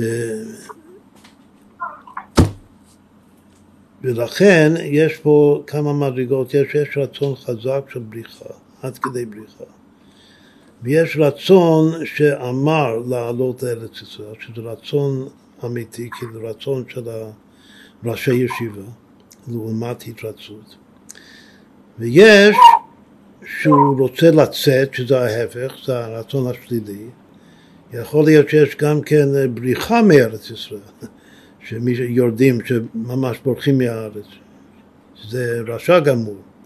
כלומר שמה שיוצא כאן שהרצון החזק זה צדיק גמור והרצון סתם זה צדיק שאינו גמור והמצב האפאתי הלא כל כך אכפת לי אבל אני מסכים לך שגם בזה יש מדרגות כתוב שיש אין סוף מדרגות של בינוני. זה אין סוף מדרגות של התרצות. כמה הוא מתרצה ולאיזה כיוון הוא מתרצה. ויש רצון לצאת מן הארץ ויש רצון חזק גם שזה לא כתוב כאן בכלל, אבל זה, זה הרשע הגמור שהוא פשוט פורח מקדושת ארץ ישראל. אז אם כן, מה שעשינו כאן, הקבענו את, ה, הקבענו את הדרגות של רצון והתרצות לפרק א' של טניה, שזה החמישה החלוקים. ובעצם זה מתחיל מזה שיש דרי דינים ולא... ולא, ולא רק צווי דינים. עכשיו, נעשה גם סיום של ספר קניין. ספר קניין מתחיל מהלכות מחילה שיש מוכר ולוקח, ההלכה הראשונה והפרק הראשון זה איך, איך מבצעים את הקניין, ויש מה איזה לשון, משהו נחמד